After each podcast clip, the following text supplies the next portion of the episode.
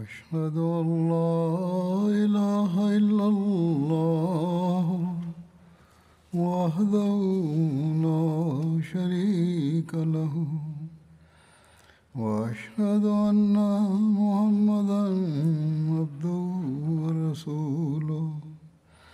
أما بعد فأعوذ بالله من الشيطان الرجيم. بسم الله الرحمن الرحيم. الحمد لله رب العالمين. الرحمن الرحيم. مالك يوم الدين. إياك نعبد وإياك نستعين. اهدنا الصراط المستقيم. صراط الذين أنعمت عليهم. غير المغضوب عليهم ولا الضالين.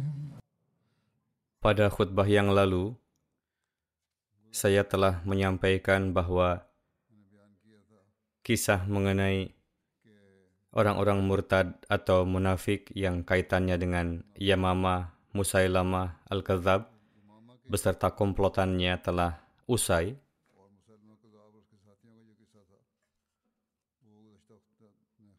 Pembahasan mengenai orang-orang murtad yang mengangkat senjata di masa Hadrat Abu Bakar Siddiq radhiyallahu anhu masih terus berlanjut. Sebagaimana telah saya sampaikan bahwa terdapat beberapa ekspedisi. Ekspedisi yang pertama telah dibahas dengan cukup panjang lebar. Dari 10 ekspedisi yang tersisa, diriwayatkan berkenaan dengan yang kedua dan ketiga bahwa ekspedisi ini dipimpin oleh Hadrat Hudzaifah dan Hadrat Arfajah guna menghadapi para pemberontak yang murtad di Umman. Umman adalah sebuah kota di Yaman di dekat Bahrain. Umman terletak di antara Teluk Persia dan Laut Arab, yang pada masa itu termasuk bagian timur dari apa yang sekarang disebut Uni Emirat Arab. Kabilah Azid yang menyembah berhala dan kabilah-kabilah lainnya yang beragama Majusi tinggal di sini. Maskar, Sohar, dan Doba adalah kota-kota pesisir di wilayah ini. Di masa beberkat Hadrat Rasulullah SAW, Umman termasuk ke dalam wilayah kekuasaan orang-orang Iran, dan mereka menetapkan seseorang bernama Jaifar sebagai gubernur dari pihak mereka. Agama Majusi tersebar di wilayah tersebut. Pada tahun 8 Hijriah, Hadrat Rasulullah SAW mengutus Hadrat Abu Zaid Ansari dan Hadrat Amr bin As untuk menabligan Islam dan mengirim surat kepada dua orang pemimpin yang bersaudara, yakni Jaifar bin Julundi dan Abbad bin Julundi. Isi surat Hadrat Rasulullah SAW adalah sebagai berikut. Bismillahirrahmanirrahim. Surat dari Muhammad Sallallahu Alaihi Wasallam, hamba Allah dan Rasulnya kepada Jaifar dan Abbad Bisran Julunde. Kesejahteraan bagi siapa pun yang mengikuti petunjuk. Saya menyuruh Anda untuk menerima Islam. Masuklah Islam, niscaya Anda akan selamat. Saya adalah utusan Allah dan diutus kepada seluruh dunia untuk memberi peringatan kepada orang yang hidup dan menyempurnakan hujah terhadap orang-orang kafir. Jika Anda berkenan menerima Islam, saya akan membiarkan Anda menjadi penguasa di sana seperti sebelumnya. Dan jika Anda menolak untuk menerima Islam, kekuasaan Anda akan diambil dari Anda. Berdasarkan sebagian riwayat, setelah berdiskusi beberapa hari, kedua bersaudara tersebut kemudian menerima Islam dan berdasarkan satu riwayat, penguasa Uman Jaifar berkata, Saya tidak berkeberatan untuk menerima Islam, namun saya takut jika saya mengumpulkan zakat dari sini dan mengirimkannya ke Madinah, maka kaum saya akan marah kepada saya. Atas hal itu, Hadrat Amr bin As memberikan penawaran kepadanya bahwa harta zakat yang diterima dari wilayah tersebut akan dibelanjakan untuk orang-orang miskin di wilayah tersebut. Maka kemudian ia menerima Islam.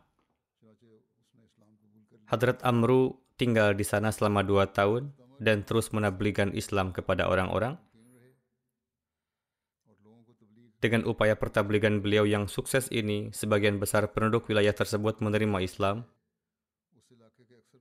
Ketika Hadrat Rasulullah SAW wafat, dan kemurtadan serta pemberontakan meluas di setiap penjuru Arab, maka Hadrat Abu Bakar memanggil Hadrat Amr bin As dari Umman ke Madinah. Di sisi lain, setelah kewafatan hadrat Rasulullah SAW, Laqit bin Malik Azdi bangkit di tengah mereka. Ia memiliki julukan Zuttaj dan di masa jahiliyah ia dianggap setara dengan Raja Umman Julundi. Julundi adalah julukan untuk raja-raja Umman. Ia mendawakan kenabian dan orang-orang jahil Umman menjadi pengikutnya ia merebut Umman. Lalu Jafar beserta saudaranya Abad mencari perlindungan ke pegunungan. Jafar menginformasikan seluruh situasi ini kepada Hadrat Abu Bakar dan meminta bantuan. Hadrat Abu Bakar mengirimkan dua amir kepadanya. Yang pertama adalah Huzaifah bin Mihsan Ghalfani Hamiri yang diutus ke Umman dan yang kedua adalah Arfajah bin Harsamah Bariki Azdi yang diutus ke Mahra, dan keduanya diperintahkan supaya berangkat bersama-sama dan memulai perang dari Umman. Mahra adalah nama satu kabilah di Yaman, dan memerintahkan bahwa apabila pertempuran terjadi di Umman, maka Huzaifah akan menjadi pemimpin. Dan apabila pertempuran terjadi di Mahra, maka Huzaifah akan menjalankan tugas sebagai komandan pasukan. Biodata Hadrat Huzaifah dan Hadrat Arfaja adalah sebagai berikut. Dalam tarikh Tabari dijelaskan nama Hadrat Huzaifah adalah Huzaifah bin Mehsan Ghalfani. Sedangkan dalam buku riwayat para sahabat, nama beliau disebut sebagai Huzaifah Qalani. Beliau menjadi gubernur Umman hingga kewafatan Hadrat Abu Bakar Anhu. Dalam buku-buku riwayat para sahabat disebutkan nama lengkap Hadrat Arfajah adalah Arfajah bin Huzaimah. Menurut Allama Ibnu Asir, nama ayahanda beliau adalah Harthama. Mereka dikenal karena taktiknya melawan musuh. Untuk membantu mereka berdua, Hadrat Abu Bakar mengirim Hadrat Ikrimah bin Abu Jahal. Sebelumnya dalam rincian perang Yamamah telah disampaikan dalam pembahasan Musailama Al-Kazab bahwa ketika Hadrat Abu Bakar mengirim Hadrat Ikrimah untuk menghadapi fitnah kemurtadan dan pemberontakan dan mengutus Hadrat Shurabil bin Hasanah untuk membantu beliau, maka diperintahkan kepada Hadrat Ikrimah untuk tidak melakukan serangan sebelum Hadrat Shurabil tiba. Namun beliau melakukan serangan tanpa menunggu Hadrat Shurabil, yang akibatnya beliau mengalami kekalahan. Hadrat Abu Bakar marah atas hal tersebut dan memerintahkan beliau untuk pergi ke Umman. Sesuai dengan perintah Hadrat Abu Bakar, Hadrat Ikrimah beserta pasukannya berangkat mengikuti Hadrat Arfaja dan Hadrat Huzaifah ke Umman, dan sebelum keduanya tiba di Umman, Hadrat Ikrimah bertemu dengan keduanya di Rujam, sebuah tempat di dekat Umman, dan mereka mengirimkan pesan kepada Jafar dan saudaranya, Abbad. Dalam beberapa buku tarikh seperti Al-Kamil karya Ibnu Asir, namanya disebut sebagai Ayyaz. Rejam adalah nama rangkaian pegunungan yang panjang di Umman. Setelah menerima pesan dari para komandan pasukan muslim, Jaifar dan Abbad keluar dari tempat tinggal mereka masing-masing. Sebelumnya mereka bersembunyi setelah orang murtad yang mengklaim sebagai nabi itu menggalang pasukan dan kekuatannya membesar. Singkatnya, mereka berdua keluar dari tempat tinggal mereka masing-masing dan berkemah di Sohar. Lalu mereka mengirimkan pesan kepada Hadrat Ikrimah, Hadrat Arfajah, dan Hadrat Huzaifah untuk datang kepada mereka. Sohar adalah sebuah kota kecil di Uman yang terhubung dengan pegunungan. Diriwayatkan mengenai kota ini bahwa di sini biasa berlangsung salah satu pasar di Uman selama lima malam di awal bulan Rajab pasukan umat Islam berkumpul di Sohar dan membersihkan wilayah-wilayah yang berbatasan dengannya dari orang-orang murtad. Di sisi lain, Laqid bin Malik telah mendapatkan kabar mengenai kedatangan pasukan Islam. Lalu ia keluar dengan membawa pasukannya untuk berperang dan berkemah di Daba. Ia membawa serta para wanita, anak-anak, dan harta benda di belakangnya untuk memperkuatnya dalam pertempuran.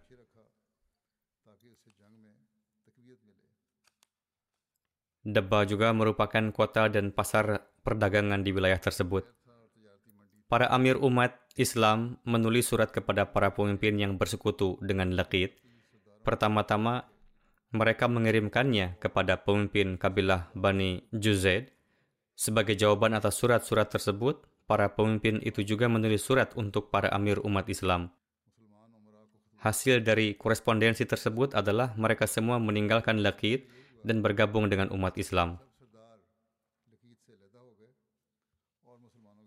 Maka terjadilah pertempuran yang sengit dengan pasukan Lakit di tempat tersebut, yakni Dabba. Awalnya Lakit unggul dan nyaris saja umat Islam menelan kekalahan, namun Allah Ta'ala menganugerahkan rahmat dan kasih sayangnya dan menurunkan pertolongannya pada situasi yang rawan tersebut. Bala bantuan dalam jumlah besar dari berbagai kabilah Bahrain dan Bani Abdi Qais tiba, yang dengannya mereka menjadi semakin kuat dan mereka maju menggempur pasukan Lakit dengan hebat yang membuat pasukan Lakit menelan kekalahan dan melarikan diri. Kaum muslimin mengejar mereka dan membunuh 10.000 laskar serta menawan para wanita dan anak-anak. Mereka mengambil alih harta benda dan pasar serta mengirimkan seperlima bagiannya kepada Hadrat Abu Bakar melalui tangan Hadrat Arfajah. Dengan demikian, fitnah di Uman pun berakhir dan pemerintahan Islam ditegakkan di atas pondasi-pondasi yang kokoh. Seusai pertempuran, Hadrat Huzaifah menetap di Uman dan sibuk dalam memperbaiki kondisi serta menegakkan perdamaian dan keamanan di sana. Hadrat Arfajah sebagaimana telah disebutkan, berangkat ke Madinah dengan membawa harta ghanimah, dan Hadrat Ikrimah membawa pasukannya berangkat ke Mahrah untuk mengentaskan pemberontakan di sana. Diriwayatkan berkenaan dengan ekspedisi Hadrat Ikrimah melawan para pemberontak yang murtad bahwa Hadrat Abu Bakar memberikan sebuah bendera kepada Hadrat Ikrimah dan memerintahkan kepada beliau untuk menghadapi Musailamah. Hadrat Abu Bakar mengirim Hadrat Ikrimah ke Yamamah untuk menghadapi Musailamah dan mengutus Hadrat Shurabil bin Hasanah di belakang beliau. Hadrat Abu Bakar menyebutkan nama Yamamah untuk keduanya, namun beliau bersabda kepada Hadrat Ikrimah bahwa selama Hadrat Shurabil belum tiba, janganlah melakukan serangan. Namun Hadrat Ikrimah bersikap tergesa-gesa, sebagaimana telah dikisahkan sebelumnya, dan maju melakukan serangan sebelum kedatangan Hadrat Shurabil. Musailamah mendesak beliau ke belakang. Beliau mengalami kekalahan dan mundur. Ketika Hadrat Shurabil bin Hasanah mendapatkan kabar mengenai peristiwa tersebut, beliau berhenti di tempat beliau berada pada saat itu. Hadrat Abu Bakar menulis kepada Hadrat Surabil bahwa menetaplah di dekat Yamamah hingga Anda menerima perintah selanjutnya dari saya. Dan Hadrat Abu Bakar menulis kepada Hadrat Ikrimah, sekarang saya tidak ingin melihat wajahmu lagi. Sebelumnya pun telah disampaikan, dan tidak juga akan mendengar perkataan kamu, kecuali setelah kamu menjalankan suatu tugas yang menonjol. Perlihatkanlah suatu peranan yang luar biasa. Barulah Anda boleh datang ke hadapan saya. Kemudian Hadrat Abu Bakar bersabda, pergilah ke Umman, bertempurlah dengan penduduk Umman, dan bantulah Huzaifah dan Arfajah. Sebagaimana telah disampaikan sebelumnya, Uman merupakan bagian dari Teluk Persia yang pada masa itu termasuk bagian timur dari apa yang sekarang disebut dengan Uni Emirat Arab. Kabilah Azid yang menyembah berhala dan kabilah-kabilah lainnya yang beragama Majusi tinggal di daerah ini. Maskat, Sohar, dan Daba adalah kota-kota pesisir di wilayah ini. Beliau juga bersabda bahwa masing-masing dari kalian akan tetap menjadi komandan pasukan berkuda kalian. Namun, ketika kalian semua memasuki wilayah yang berada di bawah pengawasan Huzaifah, maka beliau akan menjadi amir bagi kalian semua.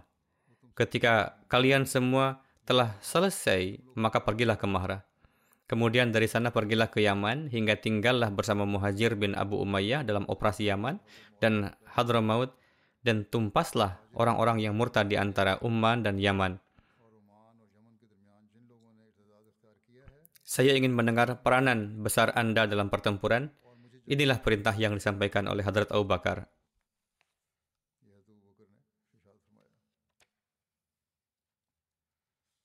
Alhasil, sebelum keberangkatan Hadrat Ikrimah berdasarkan perintah dari Hadrat Abu Bakar, Hadrat Huzaifah bin Mihsan Ghalfani telah berangkat ke Umman dan Hadrat Arfajah Bariki telah berangkat ke Mahrah untuk memerangi orang-orang murtad.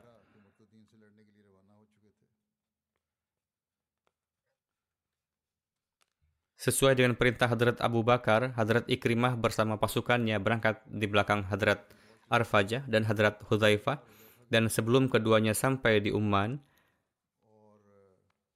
Hadrat Ikrimah telah bergabung dengan mereka. Sebelumnya Hadrat Abu Bakar telah memberikan perintah yang penuh penekanan kepada mereka berdua bahwa setelah selesai dari misi di Umman, mereka harus melaksanakan pendapat Hadrat Ikrimah. Apakah itu beliau membawa mereka bersama beliau atau memerintahkan untuk menetap di Umman. Alhasil, sebagaimana telah disampaikan, ketika ketiga amir ini bergabung satu sama lain di Rujam, sebuah tempat di dekat Umman, maka mereka mengutus utusannya kepada Jafar dan Abad, dan di sisi lain, ketika Laqid mendapatkan kabar kedatangan pasukan mereka, lalu ia mengumpulkan kelompok-kelompoknya dan tiba di Dabba, lalu membuat kemah. Jafar dan Abad juga keluar dari tempat tinggalnya. Mereka tiba di Sahar dan membuat kemah di sana. Lalu mengirimkan pesan kepada Hudzaifah, Arfajah, dan Ikrimah dengan mengatakan, Datanglah Anda, semua kepada kami. Sebagaimana telah disebutkan sebelumnya, mereka semua berkumpul di tempat mereka berdua di Sahar, lalu membersihkan daerah-daerah yang terkait dari orang-orang murtad, hingga orang-orang yang di sekitarnya berdamai dengan mereka semua.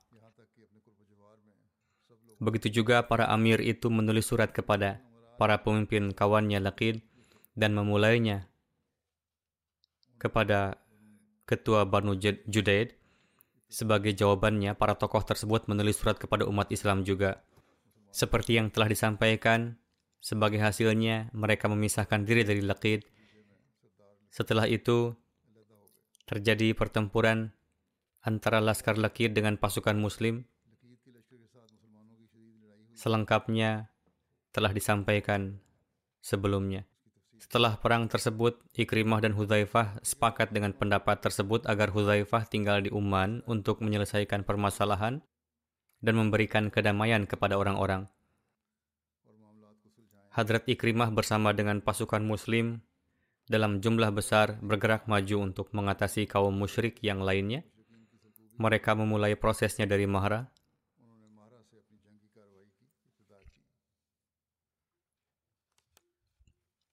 Berkenaan dengan agresi Hadrat Ikrimah ke kabilah Mahra tertulis bahwa setelah selesai mengatasi orang-orang murtad di Umman, Ikrimah bersama dengan laskarnya berangkat ke kabilah Mahra di daerah Najad. Tertulis, mereka meminta bantuan untuk misi ini kepada penduduk Umman dan orang-orang di sekitar Umman. Mereka terus bergerak hingga tiba di daerah kabilah Mahra. Berbagai kabilah bersama mereka hingga Ikrimah menyerang kabilah Mahrah dan daerah-daerah pesisirnya. Untuk menghadapi mereka, orang-orang Mahrah terbagi menjadi dua kelompok. Satu kelompok bertahan di daerah Jairut di bawah pimpinan Sheikh Riyid Kelompok kedua di bawah pimpinan seseorang dari Banu Maharib di Najad bersama Musabba. Sebenarnya kesemua mahrah mengikuti pimpinan laskar tersebut kecuali Syekh Rid dan sekutunya. Kedua pemimpin tersebut satu sama lain saling menentang dan menyeru satu sama lain kepadanya. Setiap orang dari kedua laskar tersebut ingin agar ketuanya lah yang harus meraih keberhasilan. Inilah perkara yang dengan perantaraannya Allah Ta'ala membantu umat Islam dan mengokohkannya dalam menghadapi musuh-musuhnya dan melemahkan musuhnya. Ketika Ikrimah melihat jumlah yang sedikit bersama dengan Sikhrid, mereka menyuruhnya untuk kembali kepada Islam. Ia sebelumnya adalah Muslim, dan kembalilah kepada Islam dan janganlah berperang melawan Muslim. Dengan gerakan awal itulah Syikhrid menerima seruan mereka dengan begitu Allah melemahkan Musabbah. Lalu Ikrimah mengirimkan utusan kepada Musabbah untuk menyeru kepadanya agar kembali kepada Islam dan menerima seruan Islam. Namun jumlah orang banyak yang menyertainya telah menipunya. Disebabkan oleh Syikhrid menerima Islam, kerenggangan semakin tercipta antara Musabbah dan Syikhrid. Ikrimah melancarkan agresi kepadanya dan Syikhrid pun menyertai Ikrimah. Keduanya menghadapi Musabah di Najad. Peperangan yang terjadi lebih sengit dari Dabba. Allah memberikan kekalahan kepada orang-orang murtad pemberontak. Pemimpinnya terbunuh. Pasukan muslim mengejar musuh yang melarikan diri dan banyak sekali dari antara mereka yang dibunuh dan banyak juga yang ditawan. Adapun harta rampasan yang didapatkan oleh pasukan muslim di antaranya adalah unta-unta betina keturunan terbaik dalam jumlah 2000 ekor. Hadrat Ikrimah membagi harta rampasan ke dalam lima bagian, memberangkatkan Syikhrid kepada Abu Bakar beserta seperlima bagian. Selebihnya empat bagian lagi dibagikan kepada pasukan muslim. Dengan begitu, Laskar Ikrimah lebih tangguh lagi disebabkan oleh kendaraan dan harta kekayaan. Hadrat Ikrimah mengumpulkan seluruh orang di daerah itu dan kesemuanya menerima Islam. Hadrat Ikrimah menyampaikan kabar suka tersebut kepada Hadrat Abu Bakar dengan perantaraan seseorang bernama Saib. Kemudian berkenaan dengan agresi yang dilakukan oleh Hadrat Ikrimah ke Yaman, Hadrat Abu Bakar Siddiq dalam suratnya telah memberikan instruksi kepada Hadrat Ikrimah. Sebelum ini telah disampaikan bahwa setelah dari Mahrah berangkatlah ke Yaman. Lakukanlah misi Yaman dan Hadramaut ini bersama dengan Hadrat Muhajir bin Abu Umayyah.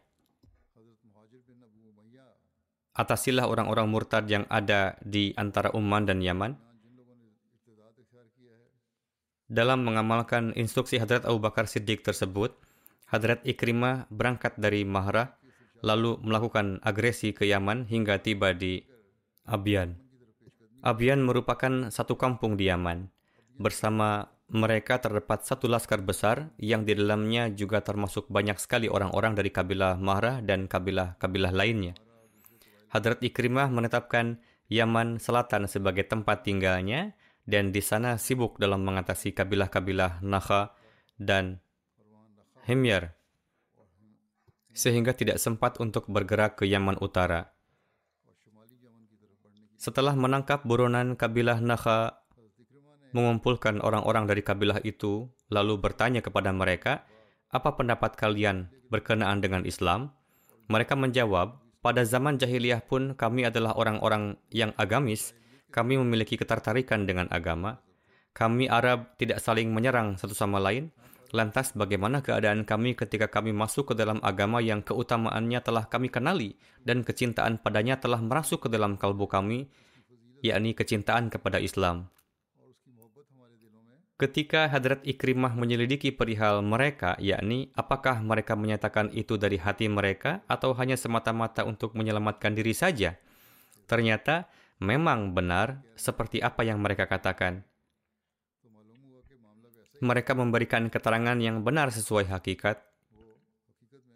Masyarakatnya teguh dalam Islam, namun yang murtad dari antara mereka telah melarikan diri. Seperti itulah Hadrat Ikrimah menetapkan kabilah-kabilah Himyar dan Nakha bebas dari tuduhan murtad dan tetap tinggal di sana untuk menyatukan mereka. Dengan tinggalnya Hadrat Ikrimah di Abyan, memberikan pengaruh yang dalam kepada para anggota Aswad Ansi selebihnya yang dipimpin oleh Qais bin Makshu dan Amr bin Ma'adi setelah melarikan diri dari Sana'a. Qais terus berkeliling di seputar Sana'a dan bergabung dengan kelompok Amru bin Ma'di Karab dan Aswad Ansi yang berada di Lahaj. Namun ketika Hadrat Ikrimah tiba di Abyan, maka keduanya, yakni Qais dan Amru bin Ma'di Karab, bersatu untuk berperang dengan beliau. Namun seketika itu terjadi pertentangan di antara mereka sehingga menyebabkan keduanya berpisah. Dengan begitu, kedatangan Hadrat Ikrimah dari arah timur telah berperan penting dalam mengatasi kelompok murtad. Berdekatan dengan Yamanlah kabilah Kindah tinggal yang berada di daerah Hadramaut. Amil daerah tersebut adalah Ziyad bin Labid. Mereka bersikap keras perihal zakat sehingga menimbulkan pemberontakan untuk menentang mereka. Untuk itu Hadrat Ikrimah, Hadrat Muhajir bin Abu Umayyah, keduanya tiba untuk membantu mereka. Selengkapnya akan dijelaskan pada topik Hadrat Muhajir bin Umayyah. Setelah selesai dalam misinya untuk mengentaskan para murtadin, Hadrat Ikrimah mulai melakukan persiapan untuk kembali ke Madinah. Beliau disertai oleh putri Numan bin Jun yang telah beliau nikahi di medan perang. Meskipun beliau tahu bahwa disebabkan oleh menikahi putri Ummi Tamim dan Muja'ah, Hadrat Abu Bakar Siddiq menegur keras Hadrat Khalid bin Walid. Berkenaan dengan itu telah dijelaskan selengkapnya pada khutbah sebelum ini. Namun, meskipun demikian, Hadrat Ikrimah tetap menikahinya. Atas hal itu, banyak di antara pasukan Hadrat Ikrimah yang memisahkan diri dari beliau. Lalu disampaikanlah hal tersebut kepada Hadrat Muhajir. Namun, beliau pun tidak dapat memberikan keputusan. Kemudian semua hal itu dikabarkan kepada kehadapan Hadrat Abu Bakar Siddiq untuk meminta pendapat beliau. Hadrat Abu Bakar Siddiq menulis, dengan menikahinya, Ikrimah tidaklah melakukan sesuatu yang tidak pantas. Akhirnya, orang-orang yang berkeberatan dapat menerimanya. Latar belakang kekecewaan sebagian orang adalah Nu'man bin Jun suatu ketika hadir ke hadapan Rasulullah dan menyampaikan permohonan dengan mengatakan, Mohon kiranya huzur menerima untuk menikahi putri saya. Namun Rasulullah menolaknya, lalu mengirimkan wanita itu pulang bersama ayahnya. Sebagaimana Rasulullah telah menolak wanita itu, untuk itu sebagian laskar Hadrat Ikrimah pun beranggapan agar Ikrimah mengikuti teladan Rasulullah dengan tidak menikahi wanita itu. Namun Hadrat Abu Bakar tidak membenarkan alasan tersebut. Hadrat Abu Bakar bersabda, ini sama sekali keliru. Lalu beliau radhiyallahu anhu mensahkan pernikahan Hadrat Ikrimah. Hadrat Ikrimah kembali ke Madinah bersama dengan istrinya. Akhirnya, sebagian laskar yang sebelumnya kecewa dengan Hadrat Ikrimah dan memisahkan diri, bergabung kembali dengan beliau. Keterangan singkat berkenaan dengan Asma binti Nu'man bin Jun adalah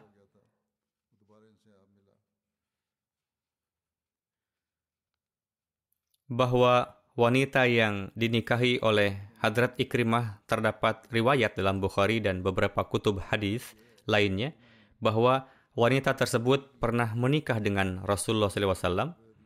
Namun sebelum dilakukan rukstanah, wanita tersebut melakukan suatu perbuatan yang menyebabkan Rasulullah memulangkannya kepada kabilahnya.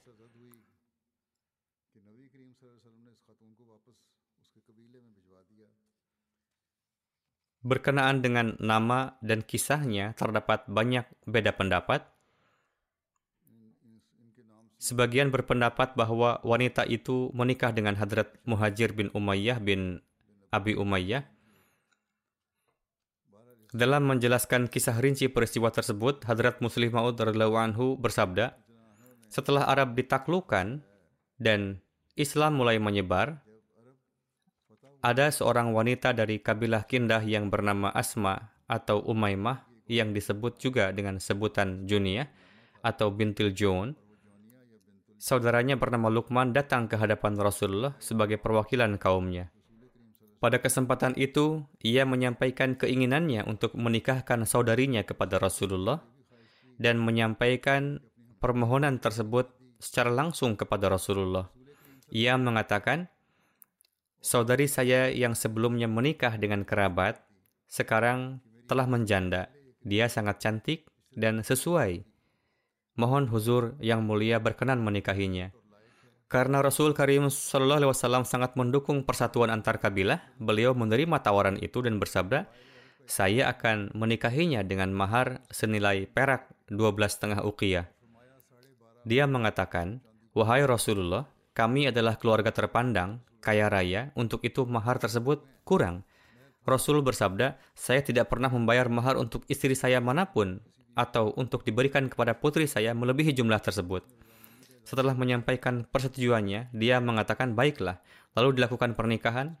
Dia, yakni kerabat pengantin wanita, memohon kepada Rasulullah agar mengirim seorang seseorang supaya menjemput pengantin wanita. Rasulullah mengutus Abu Usaid untuk tugas tersebut lalu pergi. Junia memanggilnya untuk masuk ke dalam rumah.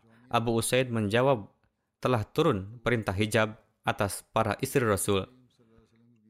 Abu Usaid meminta petunjuk dan perintah-perintah lainnya dari Rasulullah dan Rasulullah memberitahukannya. Kemudian Abu Usaid mempersilahkan wanita tersebut duduk di atas kendaraan dan berangkat ke Madinah. Selanjutnya, beliau menurunkannya ke suatu rumah yang dikelilingi, yang dikelilingi pohon kurma. Kerabat wanita itu pun menyertakan seorang pelayan wanita. Hadrat Muslim Aud menulis, Demikian pula di negeri kita, pada zaman dulu biasanya orang-orang kaya mengirimkan pelayan wanita untuk menyertainya, supaya pengantin wanita jangan ada kesulitan apa-apa. Pada masa ini sudah tidak lagi, karena wanita yang dinikahi Rasulullah ini atau yang ditawarkan oleh saudara pengantin wanita itu untuk dinikahi Rasulullah, dan kemudian setelah dinikahkan, wanita tersebut menjadi terkenal. Ia cantik sekali dan biasanya para wanita suka sekali melihat pengantin wanita. Kedua, para wanita yang berada di kampung sekitar ingin sekali melihat pengantin wanita itu. Para wanita Madinah datang untuk melihat sang pengantin wanita. Pengantin wanita tersebut sangat dikenal dengan kecantikannya. Berdasarkan penuturan pengantin wanita tersebut, ada seorang wanita yang telah mengajarkan padanya agar pada hari pertama pernikahan harus membuat pria tunduk. Ia mengatakan, apabila Rasulullah menghampirimu, nanti katakan pada beliau, aku mohon perlindungan kepada Tuhan dari Anda. Dengan begitu Rasulullah akan semakin tertarik dan tunduk kepadamu. Atas hal itu, Hadrat Muslim Maud menulis, jika memang ide tersebut bukan buatan si pengantin wanita, tidaklah mengherankan kalau ada orang munafik atau melalui seseorang dari kerabatnya yang membuat si pengantin yang merupakan istri Nabi melakukan keburukan tersebut. Walhasil, ketika Rasulullah mendapatkan kabar kedatangan sang pengantin, beliau beranjak ke rumah yang telah ditetapkan bagi wanita tersebut. Tertulis dalam hadis, ketika Rasulullah menghampiri sang pengantin wanita, beliau bersabda, hibahkanlah jiwa engkau bagi saya. Dia menjawab, apakah seorang ratu menyerahkan dirinya kepada orang biasa? Abu Usaid mengatakan, mendengar hal itu Rasulullah meletakkan tangan beliau padanya untuk menenteramkan karena mungkin wanita tersebut merasa takut karena asing. Baru saja Rasul meletakkan tangan beliau, dia mengatakan sesuatu ucapan yang tidak etis dan tidak elok, yaitu, saya memohon perlindungan kepada Allah dari Anda. Hadrat Muslim bersabda, karena seorang nabi sangat hormat jika mendengar kata Tuhan diucapkan dan langsung mengingat keagungannya, mendengar ucapan tersebut beliau langsung mengatakan, "Engkau telah menjadikan zat yang maha agung sebagai perantara dan memohon perlindungannya yang merupakan maha pelindung. Untuk itu saya kabulkan permohonanmu." Lalu Rasulullah segera keluar ruangan dan bersabda, Wahai Abu Usaid, berikan kepadanya dua kain cadar dan kembalikan ia kepada keluarganya. Setelah itu, Rasulullah memerintahkan untuk selain menyerahkan maharnya, Rasul juga memberikan dua kain cadar sebagai ihsan, supaya perintah Al-Quran Karim yang berbunyi, Wala tansawul fadla bainakum, yang artinya, janganlah melupakan untuk berlaku baik satu sama lain. Sesuai dengan ayat tersebut, Rasul memberikan hal lebih sebagai ihsan. Hadrat Muslim menulis, wanita itu ditalak sebelum terjadi hubungan badan. Nabi memerintahkan untuk memulangkannya. Abu Usaid jugalah yang diperintahkan untuk mengantarkannya pulang. Hal tersebut sangat mengecewakan penduduk kabilahnya sehingga mereka memarahi wanita itu. Namun wanita tersebut tetap menjawab, ini adalah kesialan saya. Terkadang dia mengatakan, saya telah dicelakakan dan disuruh supaya ketika Rasul menghampirimu, kamu menyingkirlah dan perlihatkan rasa tidak suka. Dengan begitu, ru'ub kamu akan menundukkan beliau. Entahlah apalah, apakah hal itu penyebabnya atau ada hal lain. Pada intinya, wanita itu menampakkan rasa tidak suka dan Rasulullah meninggalkannya dan mengirimkannya pulang. Ini pun telah saya jelaskan sebelumnya dalam membahas salah satu sahabat yakni Hadrat Usaid. Alhasil, Hadrat Ikrimah kembali dari Kindah Hadramaut melalui jalan Yaman dan Mekah. Tatkala beliau tiba di Madinah, Hadrat Abu Bakar memerintahkan kepadanya agar berangkat untuk menolong Khalid bin Said. Hadrat Ikrimah memulangkan pasukannya yang telah ikut serta bersamanya di dalam pertempuran melawan kemurtadan.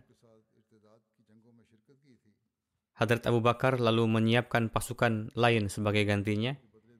Ia memulangkannya karena keadaan mereka yang telah letih dari suatu pertempuran yang cukup besar. Hadrat Abu Bakar lalu menyiapkan pasukan baru dan memerintahkan mereka untuk bergerak di bawah bendera Ikrimah menuju ke Syam.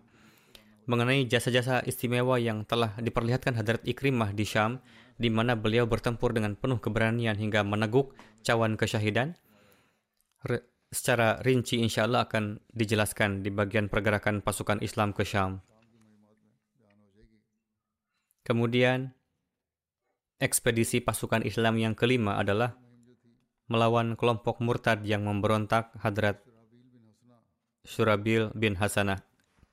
Hadrat Abu Bakar mengirim Ikrimah ke daerah Yamamah untuk melawan Musailamah. Setelahnya beliau pun memberangkatkan Hadrat Syurabil menuju ke Syam. Secara ringkas, mengenai Hadrat Syurabil bin Hasanah, ayahanda Hadrat Syurabil bin Hasanah bernama Abdullah bin Muta' dan ibunda beliau bernama Hasanah. Sebagian ada yang menyebut beliau dengan Kindi dan dengan Tamimi.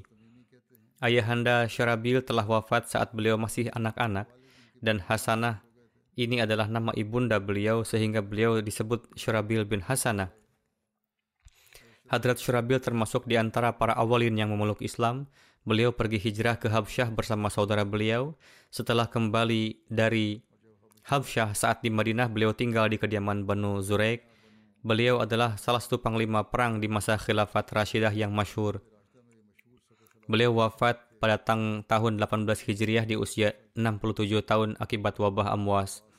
Alhasil, sebagaimana telah disampaikan bahwa Hadrat Ikrimah tidak mengindahkan perintah dari Hadrat Abu Bakar untuk tidak menyerang sebelum Hadrat Syurabil tiba, dan beliau secara tergesa-gesa menyerang Musailamah sebelum Hadrat Syurabil tiba dengan harapan agar mahkota kemenangan menjadi miliknya. Namun Musailamah justru memukul mundur mereka dan tatkala Hadrat Ikrimah menyampaikan kegagalan ini kepada Hadrat Abu Bakar, di mana hal ini telah dibahas sebelumnya, maka Hadrat Abu Bakar mengirim surat peringatan kepada beliau dan bersabda, Janganlah kembali ke Madinah dengan membawa noda kekalahan ini. Jangan sampai keputusasaan menyebar di kalangan segenap orang. Lalu Hadrat Abu Bakar memerintahkan beliau untuk menuju Oman. Saat itu Hadrat Syurabil bin Hasanah masih ada di perjalanan tatkala ia mendengar berita kekalahan Hadrat Ikrimah. Hadrat Syurabil menghentikan pergerakan beliau dan mengirim surat kepada Hadrat Abu Bakar untuk petunjuk selanjutnya. Hadrat Abu Bakar menyampaikan kepadanya untuk menunggu di mana pun ia berada. Hadrat Abu Bakar menulis kepada Syarabil, bermukimlah anda di dekat Yamamah sampai anda menerima perintah saya selanjutnya. Dan jangan terlebih dahulu menghadapi Musailamah yang untuk melawannya anda telah dikirim. Lalu tatkala Hadrat Abu Bakar Siddiq telah mengutus Hadrat Khalid bin Walid untuk melakukan pergerakan ke Yamamah, Hadrat Abu Bakar lalu memerintahkan Hadrat Syurabil bin Hasanah dengan mengatakan, tatkala Khalid bin Walid bertemu dengan Anda, hingga Anda pun mengakhiri pertempuran di Yamamah dengan sebaik-baiknya, maka setelah itu bergeraklah menuju kabilah Kuza'ah. dan carilah berita tentang para pemberontak di Kuza'ah bersama-sama Hadrat Amr bin As, yakni mereka yang menolak menerima Islam dan bersiap-siaplah untuk menghadapi mereka. Mereka itu tidak hanya mengingkari tetapi bahkan juga memusuhi. Kuza'ah juga merupakan satu kabilah Arab yang masyhur dan terletak sejauh 10 manzil dari Madinah melampaui Wadiul Qura dan berada di arah barat Madain Salih. Alhasil, sesuai perintah Hadrat Abu Bakar, Siddiq radhiyallahu anhu, Hadrat Syurabil terus bertahan bersama pasukan beliau. Meski demikian, Musailamah menyerang pasukan beliau. Terkait peristiwa ini, penulis menuturkan, Tatkala Hadrat Khalid bin Walid masih di perjalanan menuju Yamamah, Laskar Musailamah menyerang pasukan Hadrat Syurabil sehingga mengukur mundur beliau. Beberapa sejarawan menulis bahwa Hadrat Syurabil pun telah melakukan kesalahan seperti halnya yang telah dilakukan sebelumnya oleh Hadrat Ikrimah, yakni ia maju dengan harapan mendapat kedudukan sebagai yang telah mengalahkan Musailamah. Namun ia pun mendapat kekalahan dan terpaksa bergerak mundur. Tetapi yang terjadi adalah Laskar Yamamah sendirilah yang berpikir bahwa jika Hadrat Syurabil bersatu dengan Hadrat Khalid, maka ini akan merugikan mereka sehingga Laskar Musailamah pun menyerang dan berhasil mengalahkan serta memukul mundur mereka. Mungkin terjadi suatu pertempuran di antara keduanya, namun yang terjadi adalah Hadrat Syurabil membawa pasukan beliau untuk mundur. Tatkala beliau tiba dan bertemu Hadrat Khalid bin Walid dan menyampaikan semua keadaan yang terjadi, maka Hadrat Khalid pun memarahinya. Hadrat Khalid saat itu beranggapan bahwa jika kekuatan penuh untuk menghadapi musuh belum diraih, maka hendaknya pertempuran pun harus dihindari selama kekuatan yang dibutuhkan itu belum terpenuhi. Jangan sampai karena tidak adanya kekuatan yang dimiliki, lantas mengobarkan pertempuran melawan musuh yang akibatnya adalah terpaksa menelan kekalahan. Alhasil, Hadrat Syurabil kemudian terus ikut serta bersama Hadrat Khalid bin Walid di dalam pertempuran. Hadrat Khalid bin Walid mengangkat Hadrat Syurabil sebagai panglima di Mukaddamatul Jaish, yakni panglima bagi pasukan bagian depan. Untuk pasukan bagian kanan dan kiri, beliau mengangkat Zaid bin Khattab dan Abu Hudzaifah bin Utbah bin Rabi'ah. Setelah selesai dari pergerakan dia Yamamah sesuai dengan perintah Hadrat Abu Bakar Siddiq, Hadrat Syurabi lalu bertemu dengan Hadrat Amr bin As untuk mencari berita tentang para pemberontak dari Banu Kuza'ah. Alhasil ter tertera bahwa Hadrat Syurabi dan Hadrat Am Amr bin As menyerang para pemberontak dan orang-orang murtad Banu Kuza'ah. Amr bin As melakukan penyerangan pada kabilah Sa'ad dan Balq, sementara Hadrat Syurabil pada kabilah Kalb dan kabilah-kabilah lain yang ada di bawahnya. Ekspedisi yang keenam adalah pertempuran yang dilakukan Hadrat Amr bin As menghadapi orang-orang murtad dan pemberontak. Sebelumnya Hadrat Abu Bakar telah memberikan satu bendera kepada Hadrat Amr bin As dan memerintahkan beliau untuk menghadapi tiga kabilah yakni Kuza'ah, Wadi'ah, dan Harith. Kuza'ah pun merupakan salah satu kabilah masyhur Arab yang terletak sejauh 10 manzil setelah Wadiul Qura dan berada di sebelah barat Madain Salih. Secara singkat mengenai Hadrat Amru bin As adalah bahwa beliau bernama Amru, sebutan beliau adalah Abdullah bin Abdullah atau menurut sebagian beliau disebut Abu Muhammad. Nama ayahanda beliau adalah As bin Wail, nama ibunda beliau adalah Nabghah binti Harmalah. Menurut satu riwayat, nama asli ibunda beliau adalah Salma dan Nabghah adalah sebutan beliau.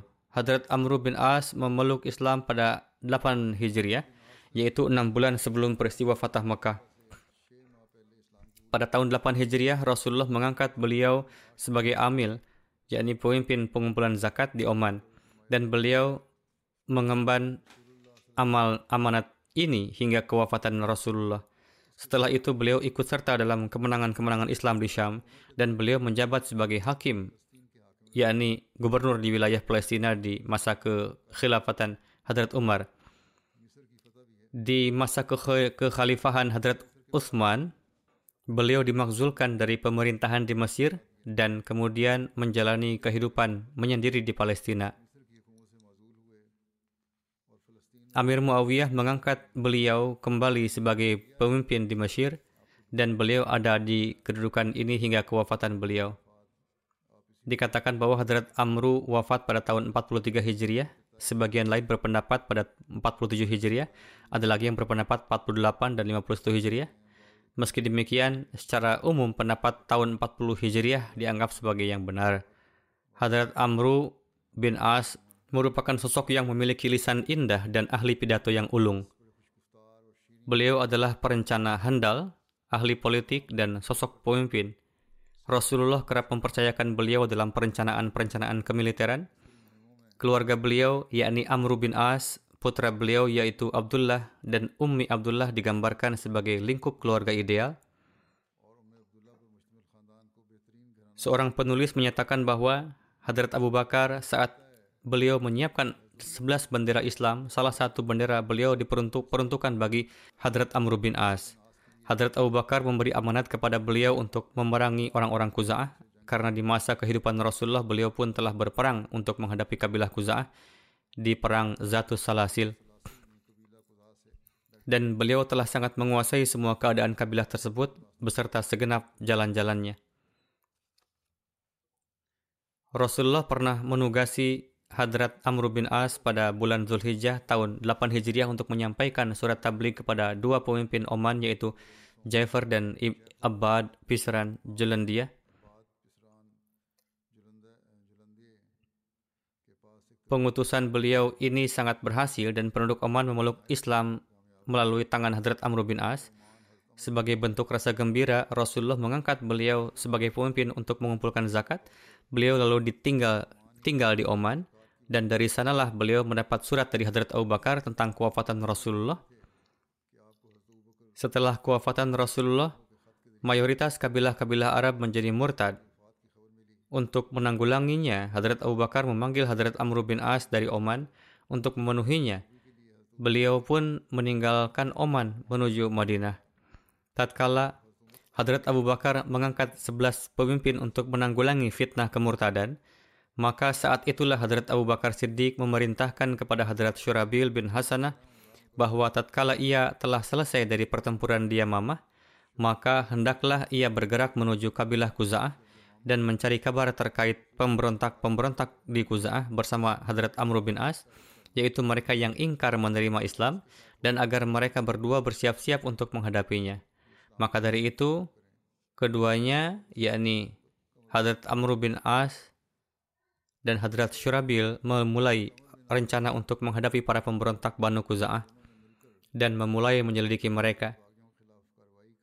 Mengenai rincian peristiwa ini, salah uh, seorang penulis menyatakan Banu Kuza'ah tidaklah menerima Islam sesuai keinginan hati mereka. Mereka hanya menerima Islam seperti hanya kabilah-kabilah lain yang ini karena takut atau karena tamak akan harta dan kedudukan, sehingga hati mereka pada dasarnya kosong dari kecintaan kepada Islam. Oleh karena itu, setelah kewafatan Rasulullah, di saat mereka merasakan kelemahan di dalam kaum muslim, maka saat itulah mereka menolak memberi zakat. Setelah mendapat amanat dari singgasana khilafat, Hadrat Amr bin As segera bergerak bersama pasukan beliau melalui jalan kedatangan beliau semula dari Juzam. Setiba di sana, beliau melihat bahwa Banu Kuza'ah telah sepenuhnya siap untuk melakukan perang. Pertempuran pun dimulai. Pertempuran sengit pun terjadi. Seperti sebelumnya, saat ini pun kabilah Kuza'ah harus menelan kekalahan. Hadrat Amr bin As lalu mengambil zakat dari mereka dan kembali mengajak mereka memeluk Islam. Lalu beliau kembali ke Madinah dengan membawa kemenangan dan keberhasilan. Mengenai ekspedisi lainnya,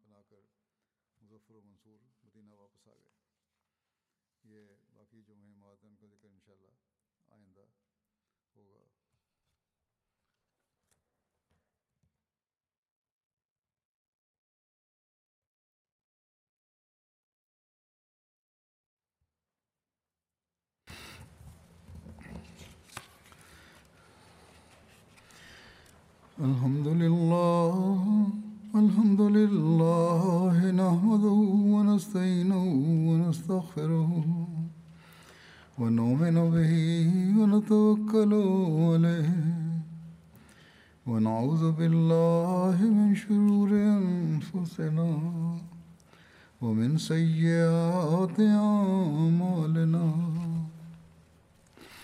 من يهده الله فلا مضل له ومن يضلل فلا هادي له ونشهد ان لا اله الا الله ونشهد ان محمدا عبده ورسوله عباد الله رحمكم الله إن الله يأمر بالعدل والإحسان وإيتاء ذي القربى وينهى عن الفحشاء والمنكر والبغي يعظكم لعلكم تذكرون اذكروا الله يذكركم وادعوه يستجب لكم ولذكر الله أكبر.